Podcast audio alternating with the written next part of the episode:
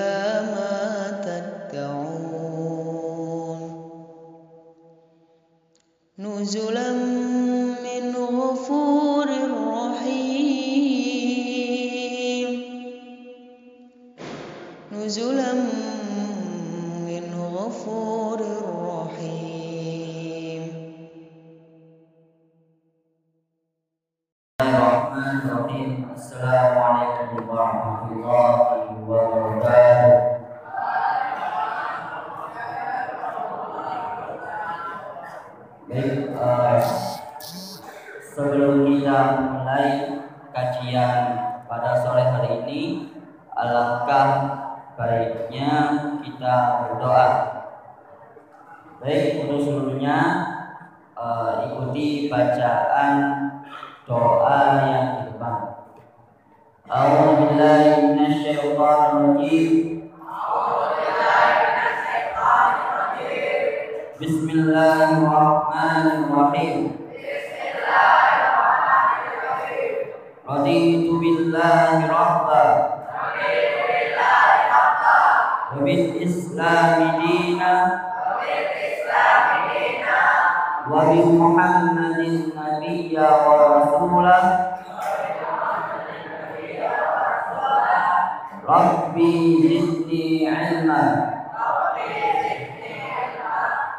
وارزقني فهما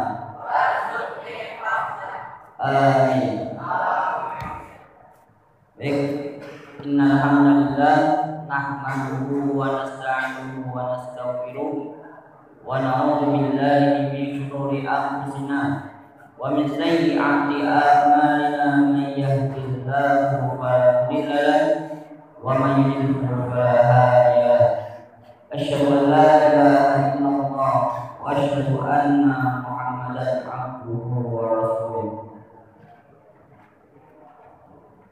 Baik, Alhamdulillah pada kesempatan kali ini uh, Ana bisa bertatap muka langsung untuk menga- mengadakan uh, kajian Ya kajian di sini kita fleksibel saja.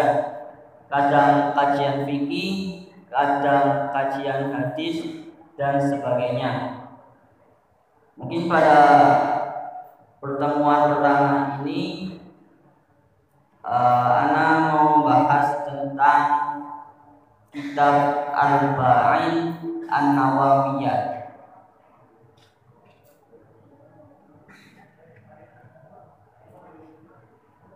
Baik. Dari sekian banyak hadis, kitab Arba'in An-Nawawiyah merupakan salah satu kitab hadis pokok yang harus dihafal. Kenapa? Karena Imam An-Nawawi menyusun hadis ini tidak sembarangan. Ada berapa hadis An-Nawawi satu,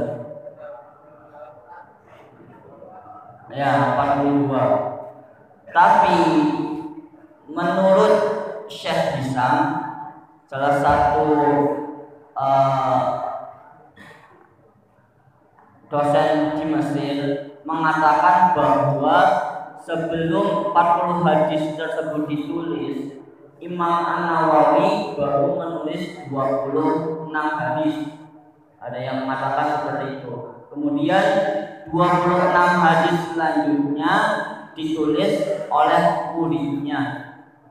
Ya nanti kita akan bahas uh, mulai dari penulisnya kemudian hadis 1, 2, 3 dan sampai 42 ya nah sebenarnya nyari waktu-waktu dari uh, semester lalu. Tapi kebetulan semester lalu jadwal kuliah Diana lebih padat dan bisa nyari waktu luang di semester uh, kedua ini. Baik. Tarjamatul Imam Nawawi. Biografi Imam An-Nawawi. Nasabuhu huwa Syekhul Islam Muhyiddin Abu Zakaria Yahya bin Syarif bin Mura al Al-Hizami Asy-Syafi'i. Jadi nama lengkap dari Imam Nawawi itu Abu Zakaria Yahya bin Syaraf An-Nawawi atau sering kita kenal dengan Imam An-Nawawi. Baik. Seperti tradisi kitab-kitab Arab terdahulu, biasanya kitab Arab ini didahulukan biografinya sebelum mukaddimah, isi dan sebagainya. Itu perbedaan antara kitab kuning atau kitab Arab dengan kitab putih atau kitab yang sering kita baca. Biasanya kan kalau biografi penulis itu kan di belakang. Ya. Tapi kalau kitab Arab biasanya itu biografi penulis ditulis di depan. Agar apa? Kita tahu keantetikan dari penulis kitab tersebut. Jadi pada permulaan kitab ini ditulis uh, Tarjamatul Imam atau biografi imamnya. Kemudian mauluduhu ulida fi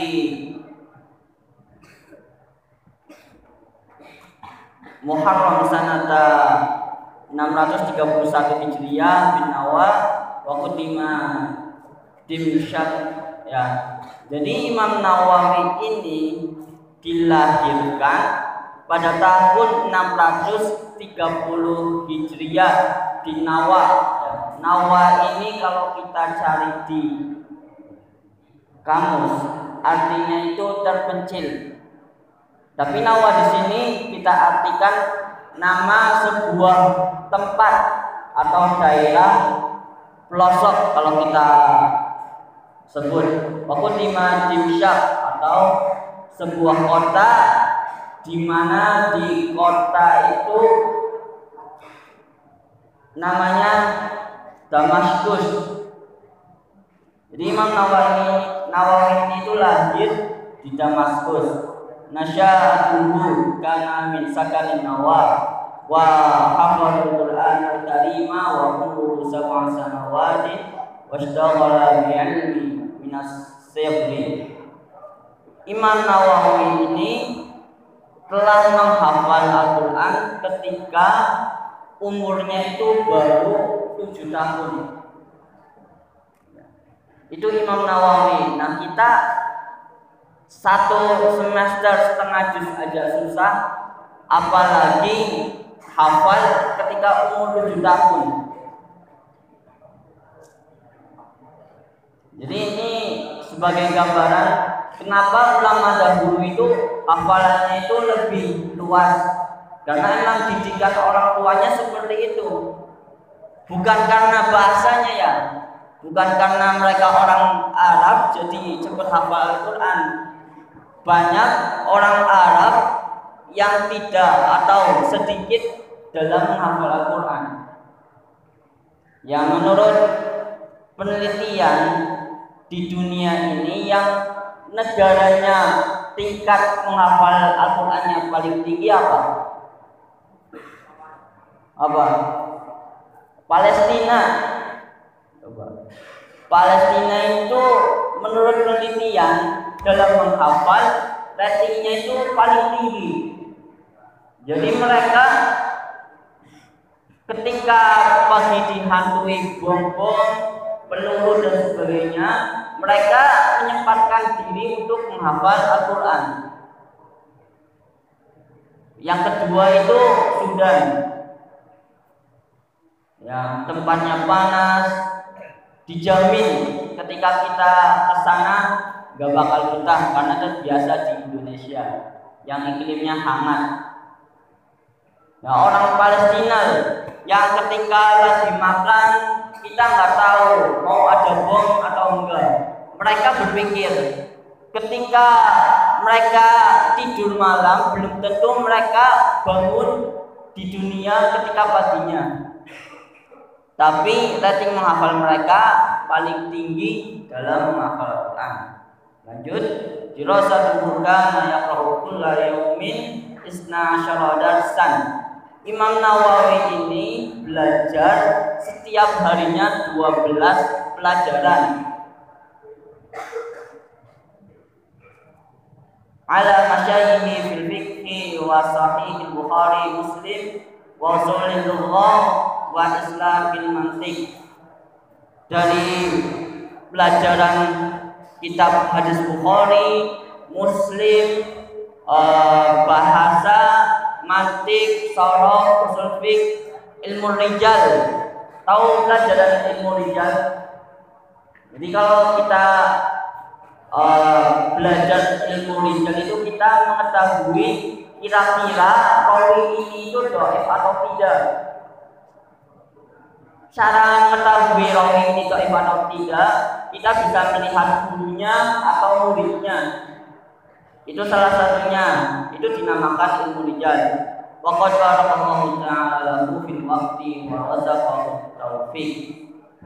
Sifatuhu ishtahara bi ilmi wa suhdi wal war'i wan nasiha lil muluki wal amra'i wal awami. Di Imam Nawawi ini dari kecil sudah dikenal dengan uh, keilmuannya, kesubudannya, kewarwaannya, kemudian menjadi nasihat atau penasehat bagi raja-raja terdahulu. Ya, pada suatu ketika Imam Nawawi ini pernah dimintai pendapat untuk mendukung apa namanya suatu keputusan seorang raja. Tapi Imam Nawawi ini menolaknya. Akhirnya sang raja itu marah dan menyuruh menterinya untuk mencabut semua bantuan kepada Imam Nawawi. Tapi malah menteri raja tersebut itu kebingungan. Padahal selama ini Imam Nawawi tidak menerima apa pun. Jadi Imam Nawawi kesubudannya itu sungguh sangat luar biasa. Tahu subud? Ustaz Ahmad subud tahu? Nah, Ustaz Tarik subud tahu? Jadi kalau kita zuhud itu lebih mementingkan akhirat daripada dunia. Itu bahasa kasarnya. Jadi kalau kita disuruh memilih antara akhirat dan dunia, kita lebih memilih akhirat. Tapi kalau ada kesempatan di dunia, kita ambil tidak apa-apa. Kita harus imbang antara dunia dan akhirat. Wala tangsa nasibaka minat dunia. Dan janganlah kalian melupakan nasib kalian ketika di dunia dalilnya kemudian lam yahtalif ahadun fi sholati wa taqwahi wa habbahu qabulu mu'allifat jadi Imam Nawawi ini sejak kecil tidak ada yang meragukan keilmuannya. A'maluhu wa min akhbari ulama madhab asy-syafi'i.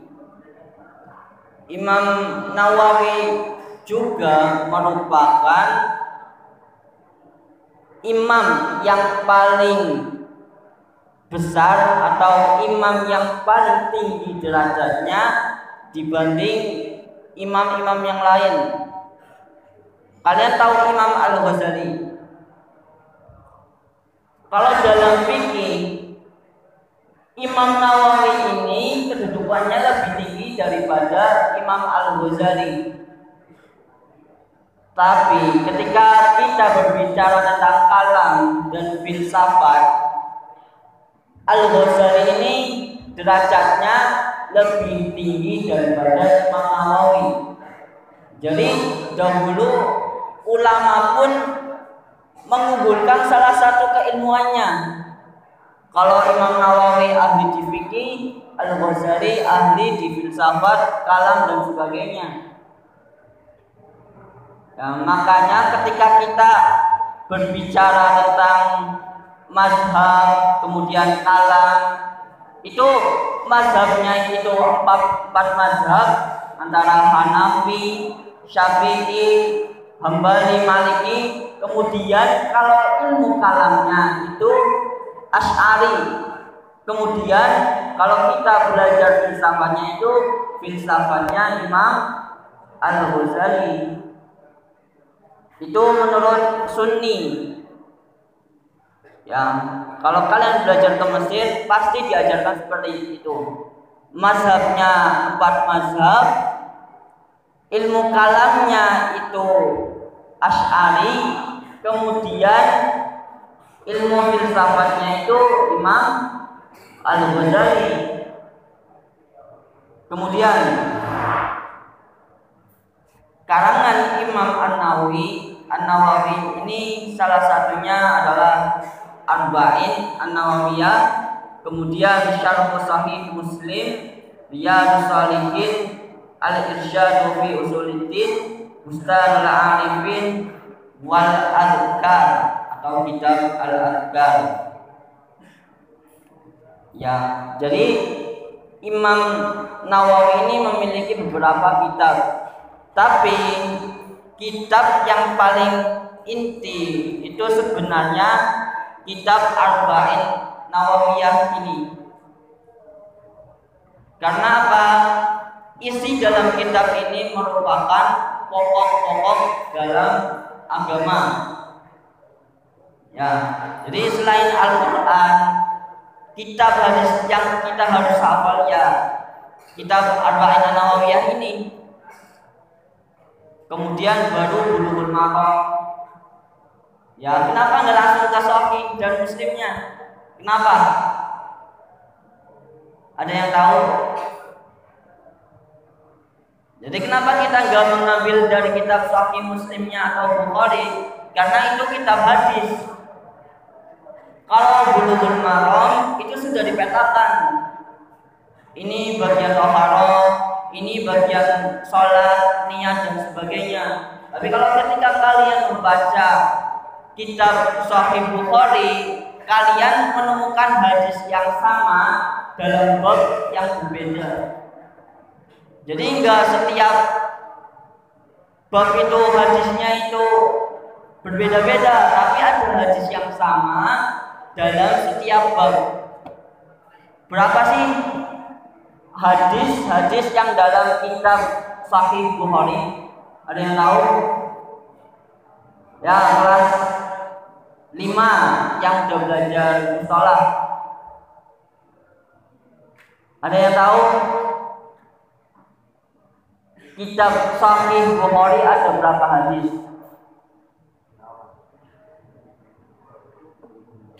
Yang nanti kita belajar lagi berapa hadis dalam kitab Bukhari dan berapa hadis yang berulang-ulang dalam kitab Al-Bukhari. Jadi Seperti itu. Kitab Sahih Muslim pun juga.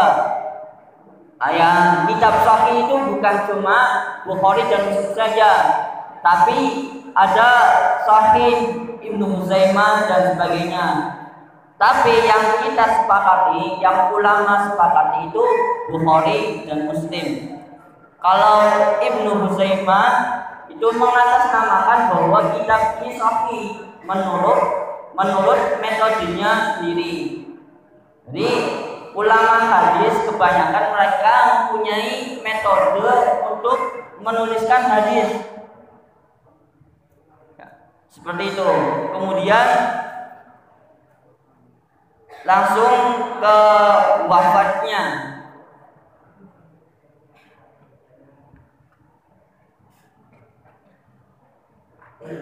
Wafatuhu safara an-Nawawi li ziyarati Baitul Maqdis wa zara jami'a masyayikhi al-amwas wal ahya. Imam Nawawi bersafar untuk berziarah ke Baitul Maqdis dan mengunjungi seluruh guru-gurunya baik yang sudah mati maupun yang masih hidup.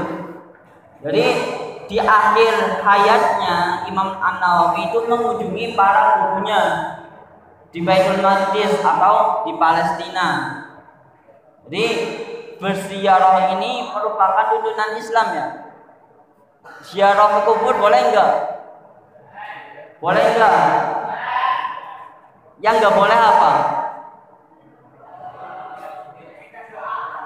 Ya, yang nggak boleh apa kita meminta doa untuk dikabulkan doa kita kepada kuburan tersebut. Jadi ziarah merupakan sunnah Nabi, tapi tuntunannya adalah untuk mengingat kematian. Seperti itu. Ini dilakukan oleh Imam An-Nawawi. Kemudian mengunjungi syekh-syekhnya yang masih hidup atau gurunya yang masih hidup yang berada di Baitul Maqdis. Wazara Imam Asy-Syafi'i kemudian mengunjungi makam Imam Syafi'i summa ada ila nawa lisyarati abawaihi. Kemudian setelah Imam An-Nawawi mengunjungi uh, makam Imam Syafi'i tersebut, Imam Nawawi ini kembali untuk berziarah kepada nenek moyangnya. Jadi Imam Nawawi berziarah kepada makam kedua orang tuanya yang telah membesarkannya. Jadi kalau kita melihat ulama itu matinya atau wafatnya itu dipenuhi dengan tanda-tanda atau firasat. Yang jadi kenapa kita sering lihat kemarin Syekh Ali Jabir meninggal? Itu sudah ada tanda-tandanya ya sebelum meninggal itu sudah ada tanda-tandanya. Jadi kalau kalian lihat di YouTube YouTube-nya Irfan Hakim di situ uh, Syekh Ali Jabir diceritakan kayak gini. Uh, Kak Irfan kapan main? Jadi Irfan Hakim itu sangat uh, kehilangan karena permintaan terakhir dari Syekh Ali Jabir tersebut tidak dipenuhi. Jadi disuruh main, gak boleh main. Itu Syekh Ali Jabir. Kemudian banyak ulama-ulama lain yang mengisyaratkan sebelum wafatnya. Kemudian famarada inda walidahu inda walidihi fam taqala ila rahimatillah. Kemudian Imam An-Nawawi ini wafat di sisi orang tuanya. Jadi maaf sebelumnya Imam Nawawi di sini orang tuanya masih hidup. Kemudian ketika berkunjung ke orang tuanya tersebut, Imam Nawawi meninggal dan meninggal di samping orang tuanya atau ayahnya. Di sini disebutkan walidihi atau ayahnya. kemudian wafat ketika tanggal 24 Rajab tahun 676 Hijriah. Jadi ketika kalian menyebutkan ulama itu baiknya disebutkan tanggal lahirnya bukan tanggalnya tahun lahirnya kemudian tahun wafatnya tapi yang terpenting itu ketika kalian sebutkan itu biasanya tahun wafatnya. Kalau Imam Hanafi lahir pada tahun berapa? Ada yang tahu? 100 100 berapa Hijriah? Imam Hanafi ada yang tahu? Hah? 100 berapa? 104 Oh 154 Sumber dari mana itu? Benar nih Ah Ya Imam Hanafi itu antara tahun 190 atau 80 Hijriah ya. Kemudian wafat pada tahun 250 Hijriah. 250 Hijriah kemudian lahirlah Imam Asy-Syafi'i. Maka banyak yang mengatakan bahwa ketika wafatnya Imam Hanafi ini kemudian yang menggantikan itu lahir Imam Syafi'i. Banyak yang mengatakan seperti itu. Jadi apa yang dapat kita ambil dari mempelajari biografi singkat ini?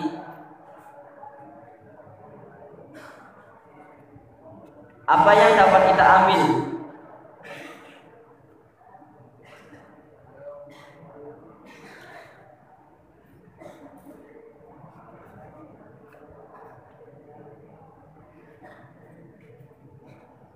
Halo? apa ilmu yang dapat kita ambil atau hikmah yang kita ambil dari pelajaran biografi Imam An-Nawawi ini? Apa Ali?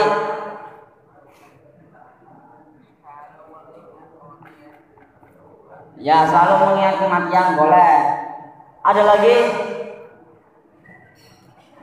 jadi ketika kita belajar biografi ini sebenarnya kita mengikuti bagaimana ulama tersebut hidup. Jadi kalau kalian baca buku biasanya yang dibaca selain daftar isi juga dibaca biografinya. Jadi kita tahu kira-kira kitab ini itu benar atau enggak sih? Ya ada beberapa buku yang di atas itu yang berbus yang seharusnya tidak kalian baca. Ya. Ada namanya penulis komeni.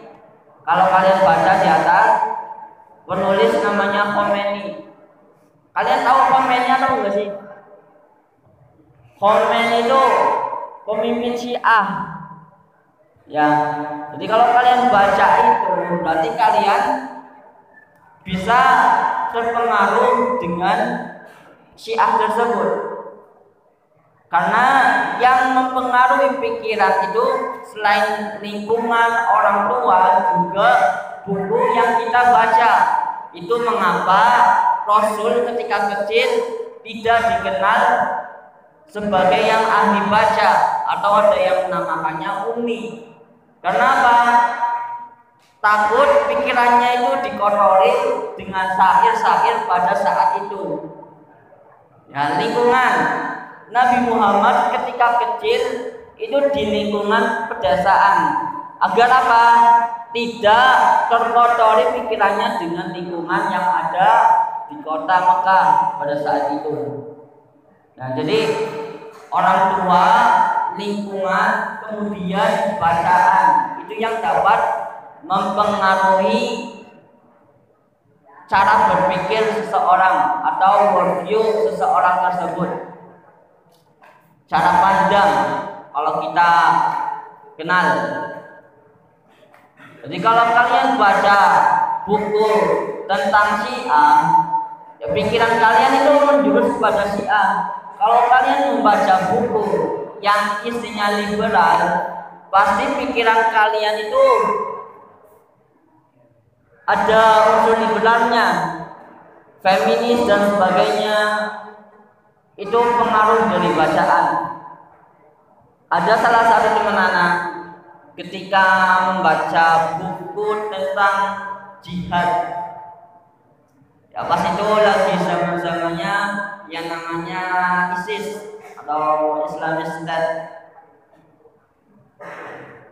Jadi sebenarnya Islamic State ini masih kontroversi apakah itu merupakan pemberontak atau memang sengaja dibentuk oleh Amerika. Di teman anak itu membacanya kitab ISIS, kita harus ke Suriah, kita harus jihad. Jadi pikirannya itu terkotori dengan mindset yang seperti itu. Nanti ketika hari kiamat muncul pasukan dari timur. Dari timur itu apa?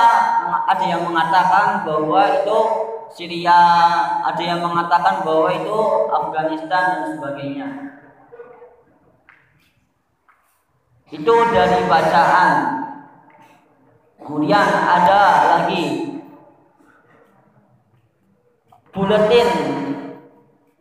Kalau kalian berburu buletin tentang agama atau tentang Nasrani, itu kalian bisa tertarik kepada isi dari bacaan tersebut. Jadi mengapa mereka itu sukses dalam kristenisasinya karena mereka menulis kemudian disebarkan kepada masyarakat luas. Jadi misi ini didanai oleh suatu kelompok yang itu dari bacaan. Tapi kita tidak dilarang untuk membaca segala hal, tapi dengan kadar atau dasar yang kuat atau dasar Islam yang kuat. Fahim kulkum